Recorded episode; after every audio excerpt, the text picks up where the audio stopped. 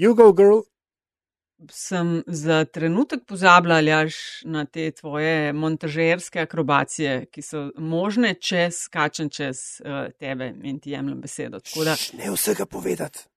Te je zelo, zelo dober med zraven uh, in sva zelo vesela, evo, da ste skupaj z nami. To je podcast o uh, medijih, o dobrih in slabih praksah, novih tehnologijah in trendih prihodnosti. Gosti v medijih delajo, z njimi živijo in o njih razmišljajo. Gostitelje pa sva Aljaš Pengovitens, Radio Chaos in Nataša Briški, Metina Lista in poslušate podcast Met in Čaj, ki je v sezoni, to pa ti aljaš, eh, redno vodaš. Deveto štejeva, deveto. Deveta, pravlična, ni to pravlična številka. Mislim, da je to moja srečna številka. Ne vem, če pravlična je pa gotovo moja srečna. A res? Ja. Kaj se ti je pa zgodilo, da je to, mislim, srečna, mislim, ali lahko kaj? Ne vem, v, v um, neki um, zgodnji knjižici, v, ki je šla v zgodnjih 90-ih, kjer je Meta malo sopisovala značilnosti astroloških znamenj. Je strelec, eh, planet vladar je Jupiter, srečna številka je devet. Da, evo, to, no, to, sem zapomnil, to sem si zapomnil. Ok, sem tako, da boste vedeli, odkje retrogradec pa kitajsko novo leto in te stvari. Ne? Ali až se mogoče dela, da ga te stvari ne zanimajo, ampak jih ima totalno naštudirane. To je zdaj ena uh, insiderska za tiste, ki uh, mogoče poznate in poslušate drug podcast, ki ga so delava skupaj z Andražem Zorkom in Antišo Korljanom in to je podcast LDGD. Um, drugač pa ljaš prejšnjo rundo, sva imela zelo zanimivo gostjo in sicer je bila to gospa Betka Šuhal Mikolič. Uh, sprašvala sva se, tako en dan debatirava in o, kaj pa ona dela in sva rekla jo pokličeva in sva klepetala z njo in danes uh, nadaljujeva nekako v tem ritmu. ritmu ja, v bistvu ne da bi zares načrtovala, imamo en tak segment, ki so naše ladje. Bravo, ja. No, in eh, ladja, s katero bova eh, klepetala ali pa jo gostila v najnem pristanišču, se že smeje. Je, je Saša Einzidler, Saša živijo. A veš, da res je bilo, uh, tako kot je Aljaš rekel, wow, se res, kaj pa ona dela. Um, oba dva se te spominjava, uh, velika, velika zvezda medijska v 80-ih, 90-ih in tudi kasneje, tako da naj bo vse zanimalo, uh, kje si danes, ne? kaj počneš. Um, še prej rečem, preden te poprosim, da se predstaviš za tiste, ki pa tiste tri v Sloveniji, ki te mogoče ne poznajo. Uh, bi samo še rekla vsem, ki nas poslušate, res ful hvala za deljenje epizode in tudi za zelo radodarne donacije, ki jih namenjate vsebinam, ki jih ustvarjamo na metini listi. Evo, tako, želiš ali jaš kaj dodati? Um, v ne. tej fazi. E, ta hip ne, sem se pa ravno kar spomnil vodne pižmovke, ampak o tem mogoče malo kasneje v na naš, našem pogovoru. Ok.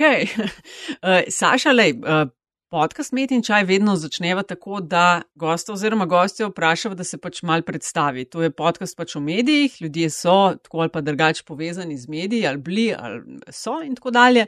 A lahko ti mal tvoja medijska karijera je res, res pol bogata in vrhunska.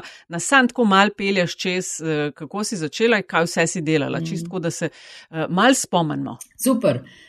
Um, v bistvu je bilo tako, da sem bila v srednji šoli na Poljanah in sem imela enega fanta, ki je bil tehnik na radiju RGL.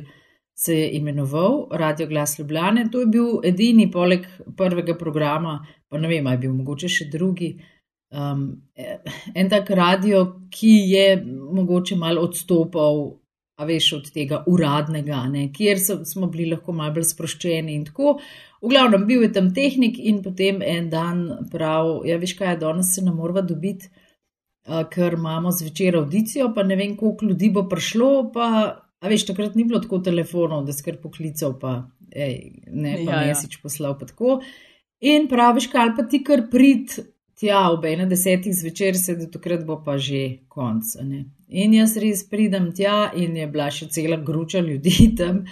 In sem kam, da te bom počakala, se bilo mi je tudi zanimivo to vse spremljati. In potem čist na koncu, ko so šli vsi domov, prav ta uh, novinar, ki je bil noter v studiu, pa prav, pa peč ti kaj povedati. Ne? In jaz grem noter in jasno, sproščena do konca, ker nisem tega sploh jemala kot neko audicijo ali karkoli, a veš. In se spomnim, sem interpretirala eno reklamo za eno sončno kremo. Pač, in vem, kako sem se pačila, mm, in kako diši, in moja koža je mehka. In, a, a, v glavnem, no. Bilo je ne 70 ljudi na tej audiciji in takrat smo bili sprijeti, Saša Grdej, pa Saša Einzidler. A, da je nekaj, ja. že takrat ste začeli ja, skupaj to. Ja. Oh, wow. A, tako da pol sem pač. Um, tja malo hodila na RGL, potem pa nekega dne dobim klic iz televizije in me kliče Stane Sušnik, on je bil urednik uh, teh oddaj glasbenih in prav ti, um, a bi ti prišla na televizijo, pa bi imela eno oddajo. sem rekla, prosim. Uh, no, v glavnem, potem, kasneje sem zvedla, da naj bi me priporočila Deja Mušič.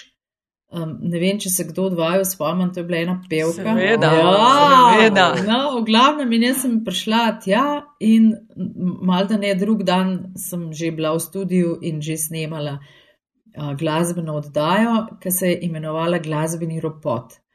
Imela sem tako tremo, da, da nisem niti dihala vmes, ko sem govorila, in tako sem se fulno učila tekste na pamet.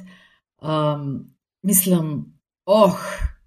Uh, no, ampak tako se je začel, evo. Pol pa video noč, oziroma sobotna noč, tega se vsi spomnijo tudi, ker je bila to ena od prvih oddaj, ki je bila res v živo in kjer so ljudje lahko glasovali za svoj video spot. In je bilo tako, a veš, da mi smo imeli deset video spotov, ki smo jih ponudili.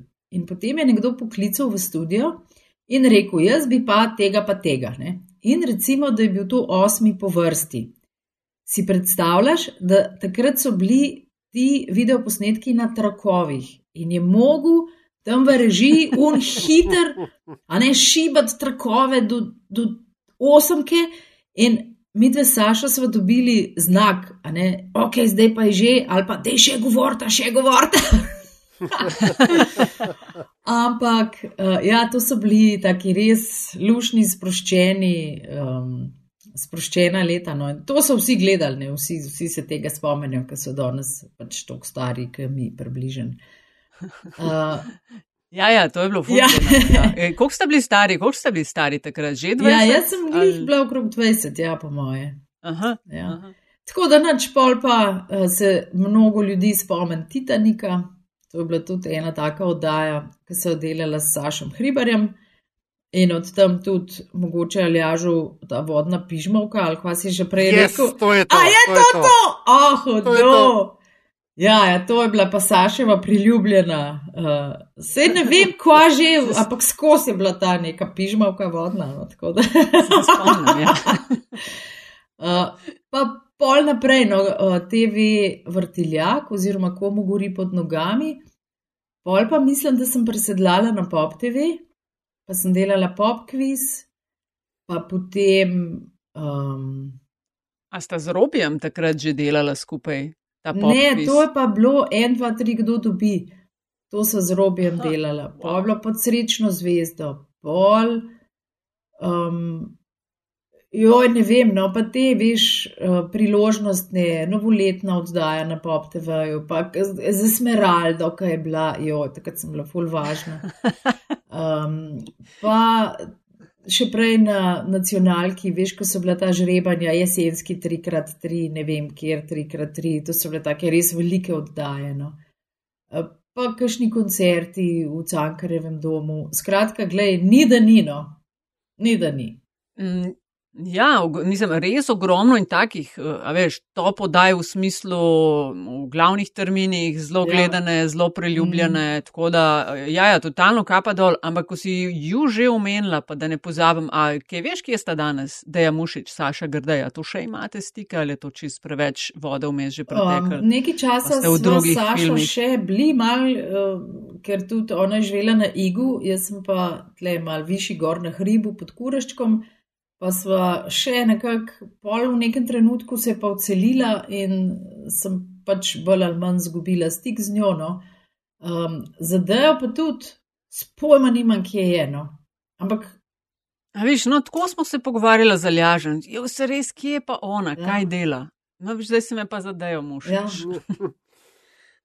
Ampak, gledaj, Saže, ti si, um, me boš popravila, če sem to pregrobo rekel, ampak uh, na nek način skozi v tem entertainment, na entertainment strani ja. biznisa, mm. medijskega.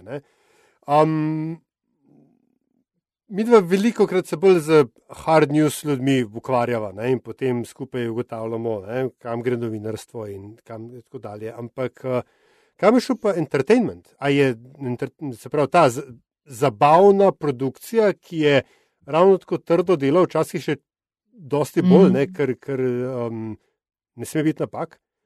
Uh, se, kako se je pa to kaj spremenjalo v teh uh, let, letih in desetletjih od uh, video noči, kjer je bilo treba improvizirati, ne, da je režija našla trak na beti, do vem, današnjih dni, ko je vse na fajlih in človek včasih ne ve, ali je, ali je sploh še raboš na odru. Mm.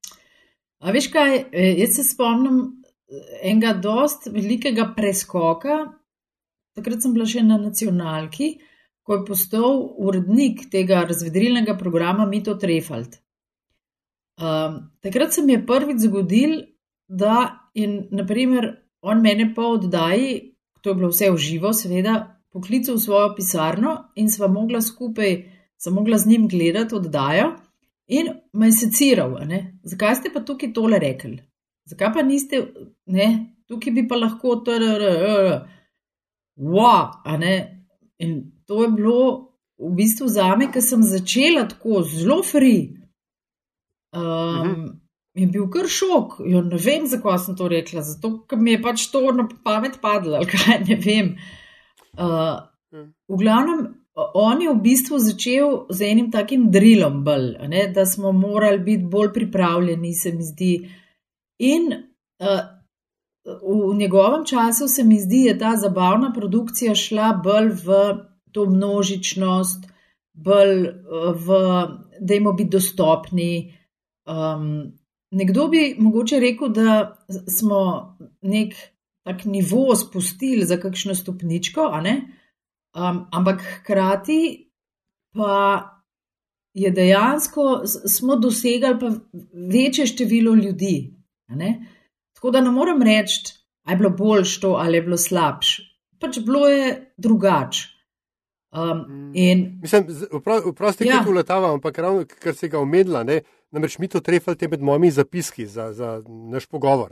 Ker, ravno zato, za, za ker je imel tak kot urednik tak velik vpliv. In mislim, da nisi prva uh, oseba, s katero se pogovarjava, ki je ravno ta njegov pristop seciranja oddaje mm. po, po oddaji omenila in je v bistvu na nek način bolj profesionaliziran ne, in hkrati tudi bolj masovno produciran mm. ne, uh, uh, vsebine. Ampak, um, mogoče. Ampak To razumem, da je nekako profesionalno zdvigeno, pa čeprav lahko rečemo, ok, kolo sreče, pa košnjeva gostilna ali kaj že, kaj že imel. Mm. Uh, ampak um, ta, a veš, da, a je to samo funkcija odraščanja ali pa ozrelenja ne, voditeljev, um, vodi, generacije voditeljev vaše, da so stvari ratale bolj um, predvidljive, ali je pač. Uh, sama medijska krajina, so same zahteve medijev, poslušalcev postale toliko bolj uh, ne, neizprostne, da se pač ni bilo več prostora in časa se zabavati, mm. zelo po slovensko rečeno. A veš kaj, jaz uh, pravzaprav na to vprašanje ti lahko odgovorim izključno z mojega zornega kota. Uh, namreč jaz sem doživela tudi eno streznitev med tem, točno v tem obdobju. Uh, Kaj ti vsake toliko sem vodila nočni program na radiju Slovenija. Tudi takrat. In tam v tem nočnem programu je bilo pravilo, da nimaš gostov, da pač vodiš ta nočni program. Pika, da se pripraviš, uh, napoveduješ glasbo, vmes mogoče kaj prebereš ali karkoli že počneš, toliko, da zapolniš ta nočni program. In enkrat. A veš, grem jaz delati ta nočni program in jaz napovem in rečem. Uh, dragi ljudje, danes pa kršim pravilo, zato ker imam pa enega izjemnega gosta, ki je prišel direkt iz uh, Južne Amerike in to je en svetovno znan vedeževalec in um, je pa slovenskih korenin in zato tudi zna slovensk, malo ne, in danes pa lahko kličete in on vam bo šlogal po telefonu. In jaz sem takrat, glih, pač v srednji šoli sem se učila španščino tudi, ne? Um, in uh, sem še kar znala, in pol res ljudje začnejo klicati, in jaz spremenim glas in začnem, ja, gospa, ma videl, da, da, in jaz tam šlogam. In pol ljudje kličejo, kaj zmešani. In pol je bilo, koliko no, koliko sem pa jaz stara, ali pa jaz sem kar uganila, ne vem, kaj mi je bilo, sem bila takem flovu. Skratka, pol jaz odpovem tega gosta, da gre in ti zvodam do jutra in grem domov, a ne. Kaj drug dan, mene urednica klicala. Kaj je, kaj je to bilo po noč? Da prvič mi smo zmenjeni, da ni gostov. Drugič, da ljudje že cel dopoledne kličejo, kako lahko pridejo v stik s tem vedeževalcem. Točno se spomnim, da sem mu dala ime, da mu je ime Savelo Todo, kar v bistvu. Reši ja, se, ne. A, a, a veš, kar ne. In je Jezus šmarička, in jaz se drug dan, ko je bila taka frka pol s tem, ne, sem se jaz v tistem trenutku zavedla, kakšno moč imajo mediji, kakšno odgovornost imam jaz kot nekdo, ki nastopam v medijih.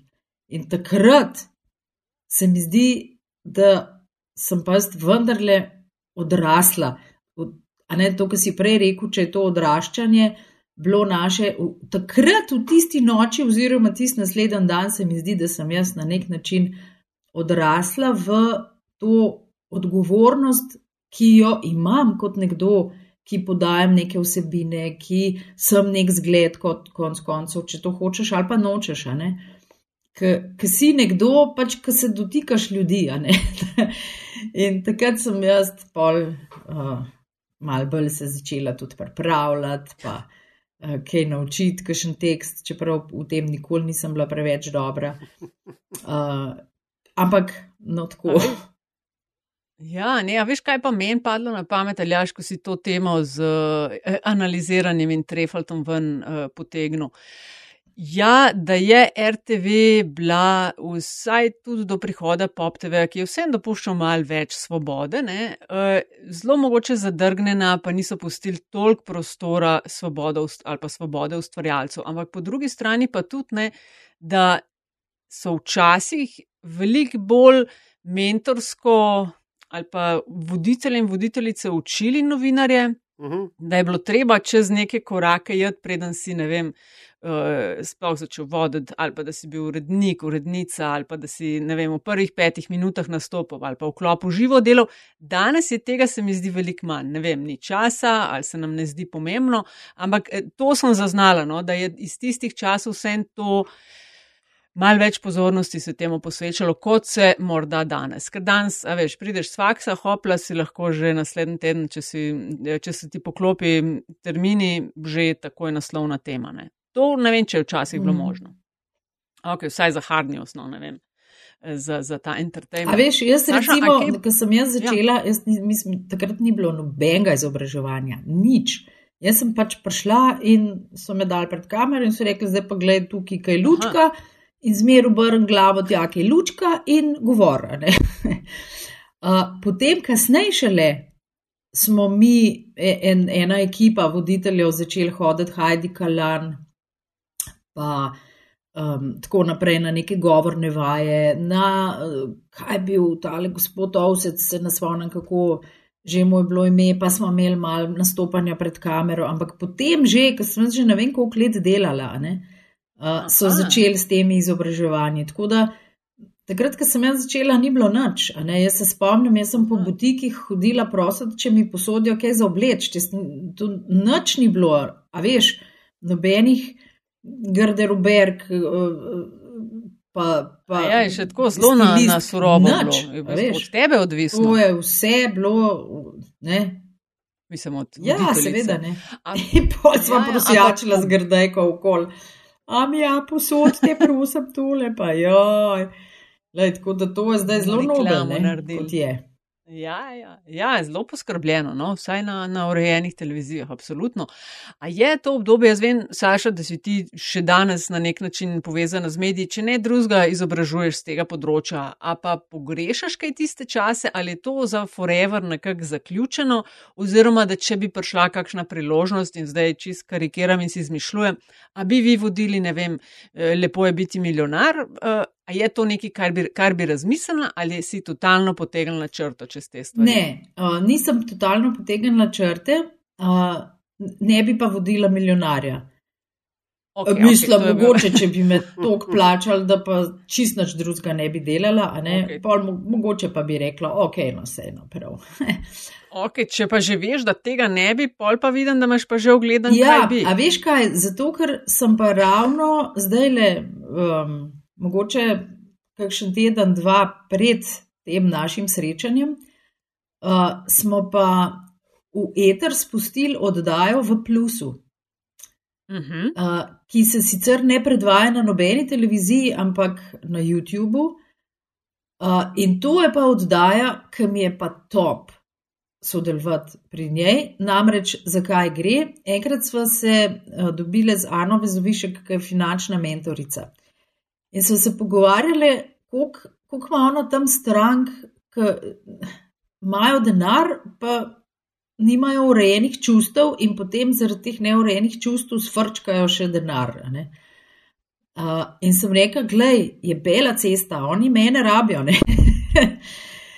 no, na kar smo ugotovili, da kaj če bi mi dve nekaj naredili, tacka, da bi nekoga vzeli v paco ki je v minusu na nek način čustveno in finančno, in ga vodile skozi najno mentorstvo, in pol na koncu bi pa ta človek bil v plusu.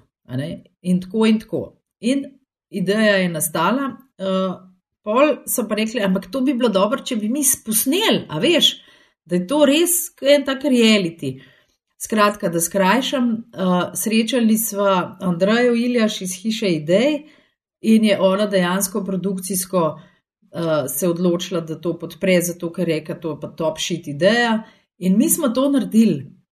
Mi smo dejansko posneli tri kandidatke, ki smo jih našli preko razpisa, um, in vse so razkrile svojo zgodbo. V smislu, kje sem čustveno, kje sem finančno, uh, krediti, dolgovi, ne vem, ovo, ono, in z vsemi tremi smo delali, in vse tri oddaje so posnete, in zdaj se so, raven so se začele predvajati na YouTubu. To, to je pa to, kar pa, kar pa bi počela, tudi če bi, naprimer, se kakšna televizija odločila, da to pa bi bilo nekaj, kar bi pa bilo za predvajati, A, to bi pa šla delati. Tudi če ni tako dober honorar. Ampak to v bistvu odpira eno zelo zanimivo um, poanto oziroma um, področje. Um, ko delava pogovore z časopisnimi ljudmi, uredniki, novinari, kakorkoli, se skozi vrtimo okoli um, formata najprej za splet, ne? web first.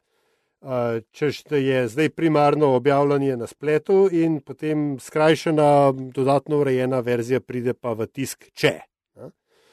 In me zanima, če mogoče ti na televizijsko produkcijo, zdaj, ko imaš to izkušnjo z oddajo v Plusu, mogoče kako podobno gledaš, oziroma kako bi to, to dvoje primerjala, ker televizija je še vedno daleč največji potrošač ne, v, Sloven, v lepi slovenščini oglasnega denarja, oziroma največ oglasnega denarja gre tja.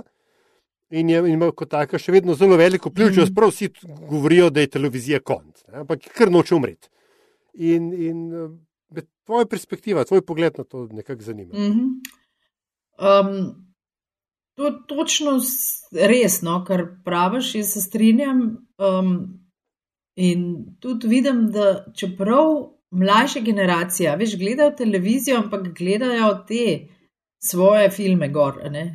Um, bolj malih gleda se mi zdi te razne zabavne oddaje. Čeprav jaz imam v bistvu tri najstnike doma um, in sem bila čist presenečena, ker je sploh ena hotla gledati te neke oddaje zabavne, ker sem rekla, kako moraš to gledati, pa to je pa dajno. Ampak ja, prav mami, to je zdaj full in. Zato, da se pol pogovarjaš in zato, da se tudi mal norca delaš. Pa se ka, pa zakaj, zakaj ti to gledaš? Prav, ja, zato, ker ne morem verjeti, da so eni ljudje res taki, ali pa tako, kaš, a veš, tak, tak, taki. Ča, a to govorimo o daje tipa, kaj že pete pod kozovcem, to, kar jo, kar, kar ne, ima to tipa kmetija ali pa. A ja, to, aha, aha, veš, okay, ali pa okay, te sanski moški, ali pa ja, ja, ja. ok, ok, ok, razumem. Pa genij in lepotica, ali nekaj takega. Ja, no, to ne, ne poznam, no, to no, ne vem. No, Nataša, bi te rada kaj povedala? Ja, ja, tako. um, v glavnem, tako da um, je pa res, no, da zdaj, če se vrnem nazaj na to produkcijo, ki smo jo mi delali za uh, splet, je fora, da ta uh, Rudi Uran, ki je to delal, ne, ki je bil glavni snemalec, pa režiser, on je televizijski človek. In jaz sem vmes skozi težila, Rudi, da jemo poenostaviti, Rudi, to je za splet, Rudi, ni treba, da ne. Ampak uh, pač nekako se mi zdi, zdel, da ni mogel iz svoje kože in je zelo v bistvu televizijsko narejena oddaja. Um, tako da bi, po mojem, skoraj komod dal takoj na, na TV. Ampak. Veš kaj, jaz, Rudi, bi, bi kar rekla, da ima Rudi prav, veš, tale YouTube, mogoče naša, pa starejša generacija še mislila, da je to tako mal kar neki. To so orang televizijski kanali ja, za res, veš. Ja. Ti zgleda, no, no tako kot so spletne strani nekakte časopisov v hard obliki, mm -hmm. ne ja. prevzele, oziroma kamor se ja. seli pozornost. Da, Ampak to sem hotel reči. A veš, ja. ekipa, ki je to delala, je bil Rudi, pa je bil pa Rudi, pa je bil pa Rudi, pa je bil pa Rudi. A ne, uh, ko pa jaz pridem kot gostja zdaj na kakšno oddajo na televizijo, a veš, je pa to ekipa, sej, sej to se ja, ja. pozna, ja. sej nam je manjkalo, sej nekoč, ko bomo. Eh, pač nekaj iz tega naredili, bomo imeli mi tudi ekipo, malo večjo, ne? um, vsaj več kakšnih pomočnikov, pa še lučkar, pa tonc, ne vem, whatever. Ja, ja. Ko boste zrasli, boste imeli tudi asistenta zvoka, pa pomočnika dodavati. Ja, no, to bomo še razmislili. No, ampak so vse stvari, a veš, ful poenostavle. To včasih, a veš, imeti televizijo ali pa radio ali pa časopise je pomenilo zelo velik denarja, pa to so bile cele, a veš, korporacije. Danes imeti spletno stran, pa na YouTubu svoj TV kanal ali pa konc koncev tudi te podcaste, ki jih eh, zalažen delava. Veš, to ni, te vstopna ovire niso več takšne, kot so mhm. bile ja. včasih, ne, za te klasik medije. Ja, ja, itak, to pa resno, sej. A veš, tudi tehnologija je toliko dostopna, sej, lej, moj sin, ki je zdaj le, se začenja ukvarjati s temi stvarmi, malo medijska produkcija, pa to si je kupil eno kamero, ne vem, pa je bila nekaj čez Jurja, ali, a veš, pa je to top uh -huh. shit zadeva, s katero lahko snema ja, ja. orang stvari, ne. Torej, hočem reči, ni to deset urjev, a veš. Uh mhm. -huh. Da... Mhm, s tem ste se pravi štartali v plusu januarja, ne, kaj imate eno, eno tedenske ja. ritem objavljati, ja, ste imeli, ne, če se ne motim, pa ob, ob nedeljah. nedeljah ob ja. Eh, šestih. Mm. Saša, zdaj po tej medijski karieri, ki je bila um, pred kamero, si nekako šla v narekovaju za kamero in med drugim deluješ tudi kot komunikacijska trenerka in svetovalka. Mm. Uh, a spremljaš kaj aktualno politično sceno, um, nastopanja in tako dalje. V bistvu bi ti kar ponovila vprašanje, ki smo ga zalažen zastavila tudi uh, najni prejšnji gosti Betki, ki se s podobnimi ali pa vsaj deloma podobnimi stvarmi ukvarja. In me tvoje mnenje zanima, kdo se ti zdi dober v nastopanju, ker vem, da kadar delaš na teh področjih, pol je vsaj malo te profesionalne deformacije in ja če ne drugega malo skozi spremljanje. Jaz, jaz ti moram svetovati, da tako pa. Uh, neki, ne? Jaz sem la, predlani um, pač zbolela in sem takrat načrtno, zato da sem vso svojo energijo usmerila v svoje zdravljenje in v to, da sem ok, sem nehala gledati poročila. Um, mm. Ker je to nekako še to s korono so opadali, ta diagnoza moja, in uh, sem videla, da pa se živciram dvojno. Veš. Tako da sem mm -hmm. zdaj uh, kar ohranila malo to, da ne spremljam. Da pa če že me kakšen iz politike prosi, a ne za kakšne nasvete, z, um, pač z področja nastopanja, pol grem pa gledat za nazaj, pa za naprej, pa tako naprej. Um, drugač pa moram povedati to, da sem jaz nekako nehala učiti ljudi tega, kako se moraš držati, kam moraš gledati, kam daš roke. Um, zato, ker se mi to, kar ne bom rekla, nada večno, ampak to lahko dela, lej, to je tok teh tečajev, to je tok teh trenerjev, ki se s temi stvarmi ukvarjajo. Um, jaz sem se začela na neki točki spraševati, zakaj se je nekdo, ne vem, pred kamero tak pa tak. Zakaj je pa en drug bolj plah? Zakaj pa un kril z rokam tok? Zakaj, zakaj, zakaj? Zakaj ima en tako tremo, da ko mi živi, ko mi diha, um, ko se odpravlja na nastop? In te, te stvari sem se posvetila, torej mindset. Mindset nastopajočega. In to me pa tako driva, kot ne, ali jaš z lepo slovensko besedo.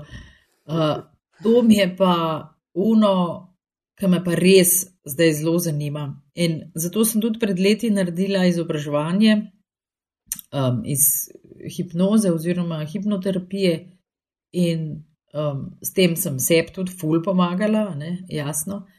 Ampak uh, to, to mi daje, uh, to znanje mi, dajo, uh, mi daje neko urodje, Um, s katerim si pomagam, ko pomagam ljudem spoznavati te stvari. Zato, ker res verjamem v to, da ko ti znotraj sebe najdeš neke uh, svoje hakalce, triggerje, kako koli hočeš reči, in da ko to razumeš, lahko spremeniš in ko to spremeniš, pol ti je res dost enourni tečaj nastopanja, pa, pa narabaš, ne vem, koliko treninga, pa ne vem, koliko ne vem česa. Mm. Okay, ampak recimo, gled, te sposobnosti nimajo vsi ne? in tudi mogoče nimajo volje, energije, želje, če hočeš. Ampak še vedno se lotevajo nastopanja v medijih, oblikovanja medijev. Um, v bistvu na, na, na radijskem področju, ne? pa če si že ravno um, začela na radijih, ti mogoče to vendarle tudi blizu. Na radijskem področju je že zadnjih, kaj, po 10-15 let, v prevladujoč ta format predpisanih sekund. Veš, ob vem, 9:23 voditelj naredi intervencijo za 15 sekund, na kar se zavrti točno ta komat. In tako dalje, in tako dalje. In postajajo in voditelji glasovno, in vsebinsko, in radiji, in mediji nasploh podobni kot jajce jajcev. Kaj se je po tvoje zgodili tukaj, oziroma ali smo res izgubili kreativnost, ali, ali je mogoče ta masovna produkcija, ki recimo, da smo jo arbitrarno postavili na začetek z mitom Trefaltom, zdaj vendarle prešla nek zenit in v bistvu zdaj najeda osnovo, ki jo je sama zastavila. Mm -hmm. Wow, ja, zanimivo. Veš, to nisem nikoli sploh razmišljala, niti nisem na tak način dojemala tega um, radijskega bazena, tako kot si zdaj le ti upisal. Ne? Ampak, a veš, kaj je pa zdaj moja teorija? Grozna. v medije, več ali manj, to, pazi, to je čist moja teorija. Ne? Da v medije več ali manj silimo, v navednicah, ljudje, ki uh, iščemo potrjevanje zunaj sebe. Torej, nekdo, uh, ki ni bil nikoli, zdaj bom zbanalizirala, ki ni bil nikoli pohvaljen, ki se ni nikoli čutil dosti dobrega, ki rab neki, a ne, da, nekdo opa, da ga nekdo opazi. Um, več takih ljudi, no tako bom rekla, se mi zdi, je v medijih. In ti ljudje smo, bom tudi jaz, kar sebe zraven uh, vrgla v ta koša, ne, smo izjemno prilagodljive sorte. Uh, kaj ti imamo v sebi te preživetvene nagone razvite, da se prilagodiš situaciji in potem nekako splavaš. Ne? Um, in mogoče je pač v tej moji teoriji ne, en del odgovora na tvoje vprašanje, ne, kaj se je zgodilo. Kaj ti zato, da si ti zelo edinstven, da si upaš biti tak, kot si, brez da se oziraš na na to, kakšna je večina, um, moraš že imeti kar dobro samo podobo. Veš? Razen, seveda, če greš potem pa v drug ekstrem, pa da ravno tudi iz tega pomankanja um, neke pozornosti, pa začneš provocirati, pa postaneš, veš, ali pa greš čez neke meje. Ne? tako da, le pojma nimam, kaj sem ti zdaj povedala, to je sem sproti, ne, ne, ne, pa se. Ne, ampak. ja, ne, ampak vse v redu, ampak je zanimivo, veš, mislim, da ta teza o nadkompenzaciji kot uh, faktorju, ki sili ljudi v, v, v medije, ni, se mi zdi, bi lahko našel kakšno potrditev, mm -hmm. ne, tudi v, v empiričnih podatkih. Ampak pa me pa po drugi strani, je, veš, ko si pač omenila ne, uh, ljudi, ki imajo dobro podobo sami, sami v sebi in pač v bistvu uporabljajo medije za to, da eksperimentirajo. Veš, pa se pa spomnim, ne vem, Jonasa, mm. vaju, obeh Sašk. Ne, mm. Pa Sašo hriba, dobro, on še vedno eksperimentira, mm. ne, ampak on je že inštitucija. Ne. Pa kaj smo še, veš, pa Katarina čas, Borod v Silko, ne vem, veš, se mi zdi, da ne vem, Nekaj, nekaj se je zgodilo. A, a je to samo, kot ekonomisti temu rečejo, zasičenje trga in smo potem vsi kar naenkrat bolj podobni, ker se nihče ne upa več prebijati mej, ker kdo ve, kje boš pristal. Ali, smo, ali je to, kar je Nataša omenila, da se je v bistvu, no, da se je nehali investirati v kadre, da zdaj pač enega vzameš, faksa, evo mikrofon, mrš na cesto in potem on to isto dela 3-4 leta, dokler ne gre konkurenci. Mm. Ja, ti si zdaj mal ven iz tega. A je, a, a je slovenska medijska industrija, da jim tako rečem, ali pa obrt, ali razmišlja o svoji prihodnosti, ali živi samo iz dneva v dan? Jaz mislim, da kar premalo razmišljano. Uh, jaz tudi, tako, ko sem pa kaj mal šaltam, skoraj da ne vidim nobenega nekega tacega potencijala, veš. Um, uh -huh. lej, je pa tako, da jaz čist premalo to spremljam, pa gledam. No. Uh, jaz sem, kar se tega tiče, res zelo umaknjena. Veš, um, mal tudi, ne vem, mal tudi se mi je bolj zdel, da v bistvu. Sploh takrat, ko sem jaz odhajala, pa je bila, naprimer, Miša urednica, ne, uh, a veš, se je govorili, ja, itak, ne, Miša vas je vse zribala, une, ki ste bile ta dobre, zato, ker je bila fauš. Um, jaz ne vem, a ne, kaj je, kaj je takrat v resnici bilo, ampak uh, tako se mi je zdel pol, da, um, da v bistvu te televizije niso znale negovati nas, ki pol nismo bile več 20, a ne, pa ki nismo mhm. nosile unga ta res ta ful globokega dekolteja uh, ker tudi ni bilo kaj dosti videti noter, no, tudi če smo ga, ne. Ampak tako, da so kar ene druge stvari postale bolj pomembne od, veš, nekih izkušenj, ene modrosti. Uh, jaz, ko gledam nazaj sebe, ne, zadnjič sem presnemavala nekaj teh VHS kaset, nekaj to, da ne bo šlo vse v pozabo. Um, in sem um, pač jih dala na drug nosilc, da bom to še imela, mogoče za vnuke, da, da jim kažem. In ko sem jaz gledala to, pa ko so moji otroci to gledali, ne, jaz sem v tistem hipu, še, ne vem, še čist na začetku na nacionalki, pa ko sem pela, pa plesala, pa ne vem kaj, jaz sem rekla, pa kaj ne me basati, ej, kakšen potencial tako sem začutila, da če bi jaz bila v tujini nekje, ne, um, pa da bi nekdo tudi kaj delal z mano, pa da je nekaj, pa lej, pa restauracija totalna, a veš. Mm, uh, ne, to je kar hudo, pa na večjih področjih v Sloveniji se mi zdi. Veš, to, da se menjuje iz danes na jutr, da ni enega strateškega ja. pristopa, ja. ker veš, te izkušnje, pa starost, modrost, ki jo s tem pridobiš.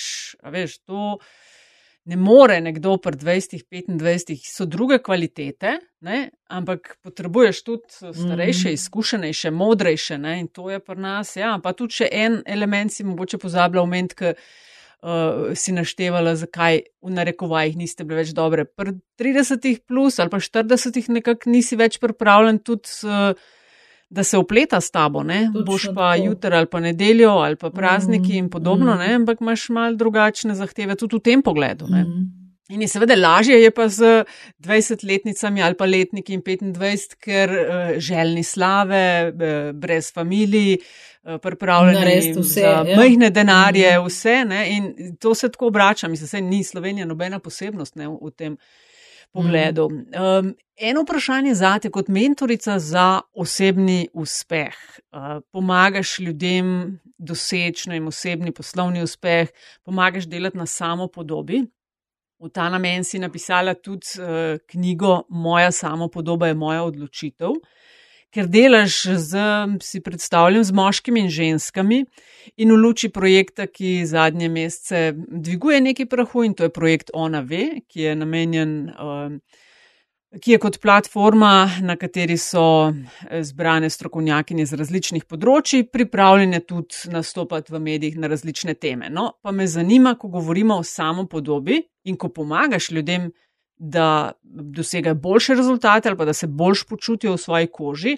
Kakšna je razlika, ki jo opažaš, če je kakšna, med ženskami in moškimi, ko jih treniraš mm -hmm. ali pa se pogovarjaš? Ja, je razlika. Uh, je razlika, čeprav pol na koncu ugotoviš, da v, v bistvu ni razlike. Sam da je, ne, a veš, le, če grem čist od, od uh, jedra, ne, v jedru smo mi vsi enaki. Um, in ni čisto popolnoma nobene razlike med nami. In čutimo, in, doži, in edin doživljamo pa drugače, zato ker smo naučeni doživljati drugače. Uh, torej, ko smo bile punčke majhne, so nam govorili, ne smeš se jeziti, to ni lepo, ne? ne se tepst, to je za fante. Fantom so pa uh mhm. -huh. govorili, a zdaj se už pa smrt, smizdru tlele, kaj je ena jokica, kaj je ena punčka ali kaj. A si punčka ali si fanta, kako je zdaj to? Uh -huh. A veš, no, uh, to je ta razlika. Pa še ena razlika je, da vseen je Slovenija super napredna, kar se tega tiče, oh, in ah, a ne v primerjavi z velikimi deli dru, po, po svetu, ampak vseen je v slovenski ženski še vedno zakorenjena una um, vzgoja, moraš mal potrpeti. Um, mož, ne, mož je pa vseen, a veš, mož, a ne moški, pa vseen moški. Uh -huh. uh, in um, moški so mal bolj sposobni. Jaz to, kar govorim zdaj, vidim pri svojih ljudeh, ki pridejo k meni na, na te moje uh, hipnoze, recimo. Um, da je še vedno večje število censk, ki jim je bila ucepljena ta um, nizka samopodoba, oziroma um, zanikanje cenjenja svoje lastne vrednosti. Veš, da pri fantih uh mhm, -huh. je to mhm. bilo bolj potencirano, a ne, sej ti boš, ne, da, ne? čeprav je tudi pri moških um, zelo velik takih, ki imajo v resnici ful nizko samo podobo, veš, sam, da moški tudi to pol na drugačen način pokažejo, no. Uh, recimo ja, na tak način. Ne toliko na ven, ne, tudi kot, kot mogoče ženske. Ja, uh, a veš, moški grejo pol v drugo skrajnost, ne, da se petelinijo, pa da so tam neki uh, frajeri, a veš, v resnici so pa notar isto prestrašeni fantki, a ne. Tako kot ženske. Pa še ena razlika je, da ženske lažje izražamo čustva in prej priznamo, da nimam se dost rada, ne cenam se, lej, ne zaupam v svoje sposobnosti, šit, nekaj, nekaj treba narediti. Ne? Moški pa to ful teži reče na glas, veš. Uh, ja, ker je bil tako ja, vzgojen. Ja. Da se to, da to žen, ženske ja, delajo, če že. Posledično, a veš, moški velikrat še bolj trpijo pol, zato ker, ker nekih od znotraj riba, pa se ne upa niti povedati, ne ve, ali to sploh je normalno ali ni, in so še v hujših stiskah, doskrat moški, ja, veš. Mm. Ko glih omenjaš to lažje izražanje čustev, ne pa si sama preomenila nekaj minut nazaj, ti si javno govorila o, o svoji bolezni. Um, a je to nekaj, kakšna je bila tvoja izkušnja, no? kakšen je bil odziv? Si predstavljam, da strani ljudi uh, zelo dober, gotovo tudi kakšen uh, zoperen.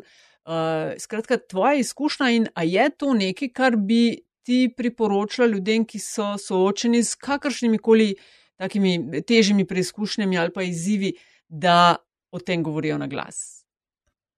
Ne rečem zdaj v medijih, ja. ne, ker pač vsak ne bo prišel v medije, ne, ampak je to nekaj, um, kar, se ti, kar se ti zdi, da je dobro, ali pač vsak zase presodi, enemu ustreza, enemu malo manj. Ja, mogoče to veš. Uh, jaz sem taka, da pač povem stvari. Uh, eni, en manjši delež ljudi to zdaj mogoče malo um, jemljem te vedenske profile iz te metode um, analize disk, ki jo tudi delamo. Ja, um, ja. Ko pač določiš te vedenske profile ljudi. In je en profil ljudi, ki so modri, a ne po barvi, ki ne želijo in ne razglašajo teh stvari tako zelo na okol, ki so mal bolj zadržani, kar se tega tiče. Ampak uh, slejko prej ti tako, tako moraš to dati ven, ti moraš o tem spregovoriti, ti uh, moraš to dati ven iz sebe, zato ker če tega ne daš ven iz sebe, se nisi pozdravil. Vsaka bolezen, ki se ne pojavlja na, na našem fizičnem telesu, ima vzrok nekje. A veš, ni vse samo, ja, to je dedno. Sej ja, jaz, jaz ja, ja imam ja, ja. tudi ja. v familiji eh, raka, kukar češ. Um, Tako kot več ali manj. Ampak ja. jaz, uh, jaz vem, da se vsaka bolezen, a veš, lej in tudi, naprimer, ko pač govorimo o raku, zato ker sem ga jaz imela, ne, vsi ljudje na tem svetu, vsem se nam naredijo rakaste celice. A veš, ampak tisti, ki ima dober imunski sistem, tisti, ki dobro handla svoje čustveno življenje in tako naprej, tistmu se ne razvije. Ne? Uh, nekomu pa, ki pa skozi nalaga neka svoja negativna čustvena stanja nekam, ne se mu pa v tistem delu telesa pa pač nekaj zgodi. Ne? Uh, pa naj bo to rak mm. ali pa ne vem, kakšna avtoimuna ali pa ne vem, kar, karkoli že. Ja, ja, ja med, medijski svet ni ravno prijazen ne, za um, to vrstno stanje ali pa pogoje, da se da to vrstno stanje nastane oziroma, oziroma se razvijajo. Um, a, je bil, a je bilo tudi v, ne tega zdaj na robe razumeti, v tvojih časih, uh, je bilo tudi tako stresno, kot recimo marsikdo danes poroča, da je? Ja, meni se sploh ni zdel. Meni se sploh ni zdel, a veš? Meni. Men, Glej, je pa res, da tudi sem bila tako mlajša, veš, da takrat ti tako pa ti je stresno. Mi smo ga skozi žurali zraven, veš. Mi smo se zabavali, mi smo se režali, mi smo se dobro imeli. Mene je bilo stresno, ene parkrat se spomnim, ko sem uh, vodila ta nek jesenski 3x3, ki je bil en režiser Klobovec ali kako se je že pisal, ko se je full drl uh, na te, a veš, ti si tam na odru in se je pa drl, pa kura, pa bla bla bla. Ampak jaz se spomnim, mene so opozorila, ne, da je tak in jaz sem mu rekla, ne se dret name, ne bom, ne bom delala, če so tako drl name, da lepo mi povej. In od takrat naprej je bil ful prijazen z mano. A veš, uh, tako da nič tazga res stresenga se ne spomnim. No? Uh, Potem pa, naprimer, ko sem pa zdaj v zrelejših letih bila pa na nacionalki, pa sem imela eno oddajo parada, takrat se mi je zdelo pa fulbal stresno. Ne? Zato, ker ne vem, so pa tam nis, niso mi dali trotl bobna in so kar hoteli, da se vas tekst naučim na pamet, jaz pa to nisem, no, jaz nisem dobra, mislim, da da se mi na pamet učiti, pa itak zagovarjam to, da poveš stvari po svoje, na svoj način, s svojimi besedami. In se nismo strinjali, in je bilo skozi neki napeta, veš. Uh, pa še mhm. ločvala sem se takrat, že ta drugič, pa sploh, mogoče mi je še zato tudi bilo bolj napet, ko pa vem. No. Perfect. Ja. Super razmere. Ja. um, Saša, preden uh, zaključimo z metinim čajem, ki bo sledilo klasično vprašanje, ki je enako vsem, um, povej, a te ljudje, pač imaš ti res dolgoletne izkušnje pred kamero, um, ljudje te še vedno prepoznavajo, ne? kaj ti rečejo? A imaš tega kaj Ej, ali, ali ne? In jaz ne moram verjeti, kako, jaz, jaz sem glik zanč, sem en dan razmišljala, pa kako je to noro, kako se me ljudje kar spomnijo. In naj, najbolj se pa smejem, da je to anegdoto, pa tudi povem, kdaj na kakšnem predavanju, ko hodim po trgovini. Še, to je bilo še v času brez mask, pa to, ki si se še lažje spoznal. In vidim enega gospoda, zelo siv je bil že ne, v, v glavo, ampak tako čeden, visok, veš, in on mene skozi gleda malne. In jaz tako že treba not vlečem, pa tako malo uno, a veš, ne, lej, če gospod gleda za mano, juhu, ne. Uh, in pol le pride do mene in prav, oprostite, a vas lahko nekaj vprašam. In jaz, a seveda, in prav, a ste vi ura, Saša, z televizije. Pa, ja, ja, sem, sem. Torej, pa gospod že čisil, ne. Uh, pa prav ta gospod, joj, a veste, ker sem bil mehen, sem vas pa tako rad gledal. no, in naj s tem zaključam.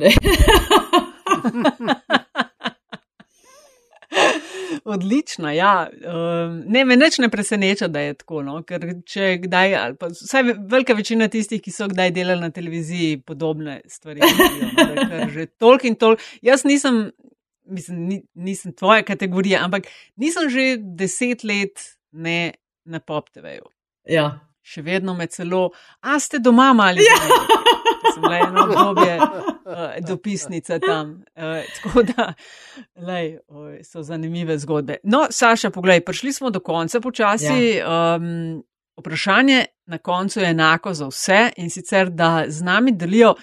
Kakšno zgodbo, priporočilo, anegdoto, nekaj, kar uh, se jim zdi zanimivo, pa mogoče veliko ljudi ne ve, in to je res lahko karkoli. Lahko je, uh, ali pa tudi ni povezano s tvojo to, to medijsko kariero ali pa predavateljsko kariero, tako da čist povsem prepuščeno tebi. Res, kaj. Um, to ponavadi vedno tudi vnaprej pošljem, da se lahko. Jaz sem to pozabila za pripraviti. Ker nis, oh. zgleda, nisem uh, dobro vse to prebrala in to je, vidiš, to je Trefalt imel prav, a ne? Ampak sploh ni problema, ker meni takoj pade ena stvar na pamet.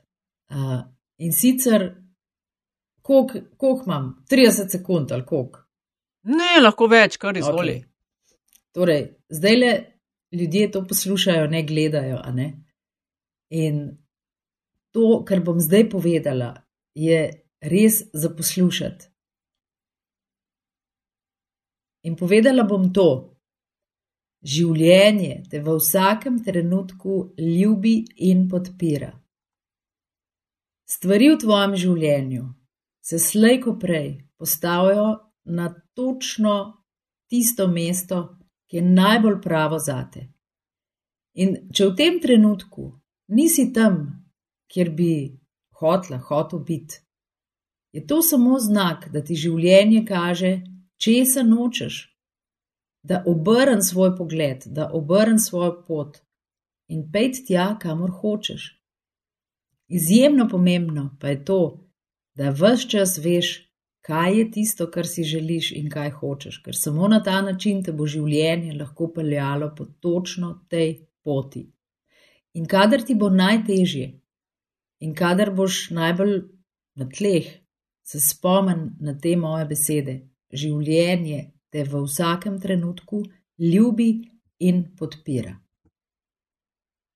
Ho, govoril sem.